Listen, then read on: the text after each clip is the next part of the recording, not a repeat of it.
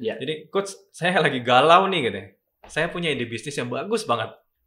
Nah, ini saya mau memutuskan enaknya saya jalani usaha ini sendiri atau enaknya partneran ya. Nah, Oke. kalau menurut coach Tom tuh baiknya gimana coach?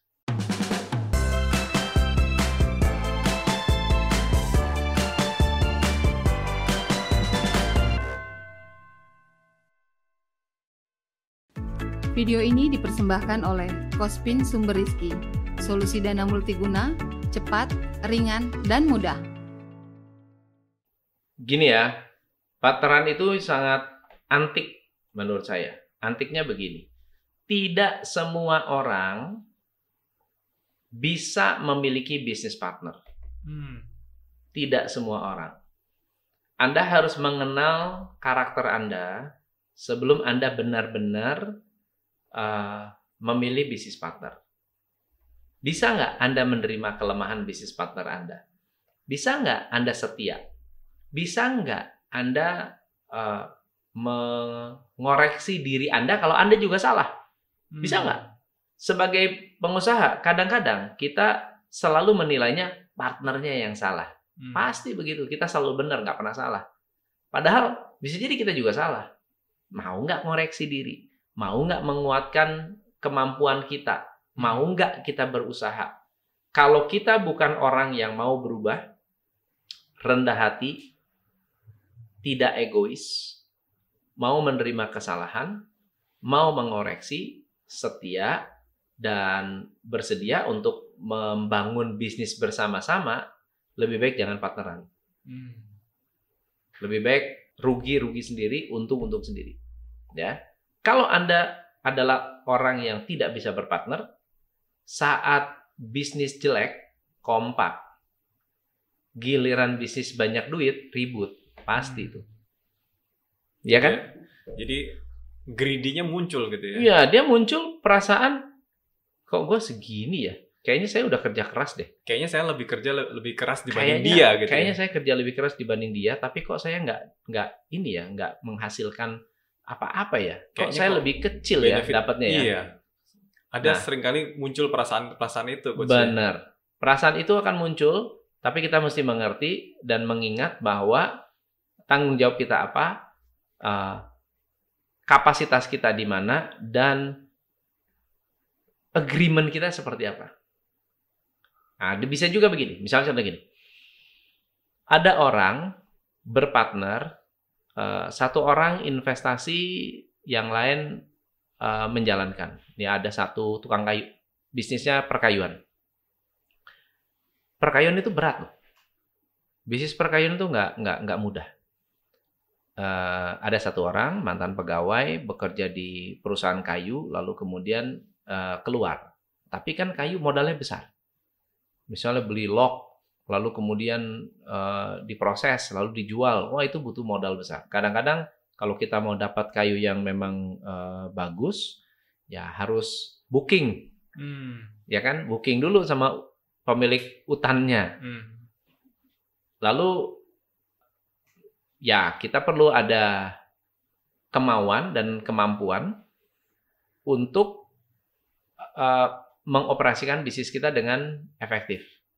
Nah, orang ini punya kemampuan, punya kemauan, punya semangat, cuma nggak punya modal, nggak punya kapital.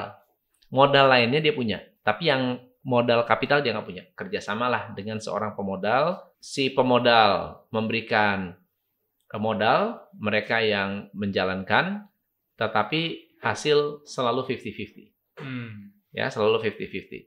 Nah pada suatu hari dia mulai gede nih, mulai banyak duitnya, mulai luar biasa.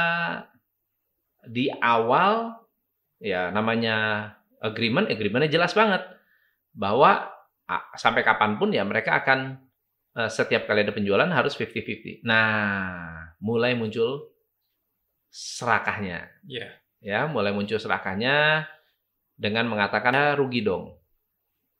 Eh, saya menjalankan operasionalnya. Saya yang nyari saya yang ini saya yang capek saya yang nggak tidur. Giliran untung dia tinggal terima 50% wah kalau dipikir-pikir benar-benar menyakitkan sih betul ya benar-benar menyakitkan dan tidak fair nah eh, salahnya di mana Salahnya adalah di agreement. Kenapa dari awal nggak ngomong? Hmm. Kenapa nggak dari awal ngomong bahwa saya ini kerja, boleh nggak saya digaji? Nah, kan beda tuh Ya. story-nya. Saya digaji, saya menjalankan, setelah selesai, saya dapat 50-50. Tapi ingat, saya pasti akan dapat lebih karena setiap bulan untung nggak untung saya dibayar. Ya. Sementara investornya setelah untung baru dibayar. Ya. Kalau agreement itu ada, ceritanya akan berbeda. Ya, jadi berpartner kalau mau besar harus berpartner. Harus berpartner. Kalau kita tidak mau dan tidak bisa berpartner dan bisnisnya bertahan kecil, nggak masalah juga dan tidak merugikan siapa-siapa. Tapi kalau mau besar, tidak ada pilihan, kita harus berpartner. Harus berpartner. Semua bisnis besar, nggak ada yang sendirian besar. Minimal berpartner dengan istrinya. Minimal ya, minimal berpartner dengan anaknya. Minimal berpartner dengan suppliernya. Minimal ada juga yang berpartner dengan customernya. Jadi kalau misalnya Anda sering kali gagal dalam berpartner, step yang pertama adalah evaluasi. Apakah Anda orang yang memang bisa berpartner? Hmm. Gitu. Jadi kembali ke diri dia sendiri ya. Kembali ke Coba diri tanyakan sendiri ke dulu. diri sendiri dulu. Betul, Udah ada belum tadi poin-poin penting itu di dalam diri kita gitu ya coach ya. setuju. Jadi kalau misalkan disarikan coach, kalau misalkan gimana caranya membuat kita partnership itu langgeng tuh apa coach kira-kira coach? Pertama adalah visinya harus sama. Kita punya punya reward and apa ya? Reward and risk yang sama. Jadi let's say misalnya kalau kenapa banyak suami istri yang langgeng? Karena kalau reward bisa dinikmati bersama, kalau pisah ruginya banyak. Sama dengan partnership. Kalau saya bertahan, rewardnya gimana ya? Oh, kita kejar reward bersama. Tapi di sisi lain, kalau saya sampai pecah tengah jalan, waduh, resikonya berat ya. Kayaknya kurang kurang cengli nih kita dalam berbisnis Hmm. gitu. Nah, kira-kira apa yang akan Anda lakukan untuk membuat bisnis Anda bisa lebih jelas visinya bersama dengan partner Anda? Itu yang pertama. Yang kedua adalah saling melengkapi. Saling melengkapi dalam arti begini, bukan kamu bisa apa gua kerjain, bukan. Tetapi saya punya keahlian yang saya sudah lengkap. Saya punya partner yang punya keahlian yang lengkap juga. Jadi saling melengkapi Hmm. saya jago marketing, udah biarin saya urusan sama marketing. Partner saya jago keuangan, udah urusin. Saya nggak mau ganggu, saya nggak mau singgung, saya nggak mau nyolek, nggak mau mempengaruhi keputusan dia. Dikasih kebebasan, sehingga trust itu terbangun. Dulu saya pernah punya bisnis partner. Dikit-dikit ditanya, lu ke mana aja lu? Ada di mana hari ini? Kemarin lu dapat klien, bayar nggak? Bayar ke kantong lu sendiri apa bayar ke mana? nah, kayak kayak satpam dong. nah kalau kayak gitu kan gimana kita bisa berbisnis? Gimana kita bisa berpartner? Nah, kalau ada yang eh saya percaya kamu butuh bantuan, let me know. Hmm. Gue bantu sepenuh hati. Ya, that's partnership. Sepenuh hati saya bantu. Tapi kalau lu nggak minta tolong, gue nggak bakal, eh lu ngapain aja lu? Lu kerjain apa? Udah bener atau belum? Salah lu kayak gini. Wah, koreksi sana sih. Itu akan membuat orang tidak nyaman dalam bekerja. Siapa pun kalau terus-menerus di digrecokin pasti nggak nyaman.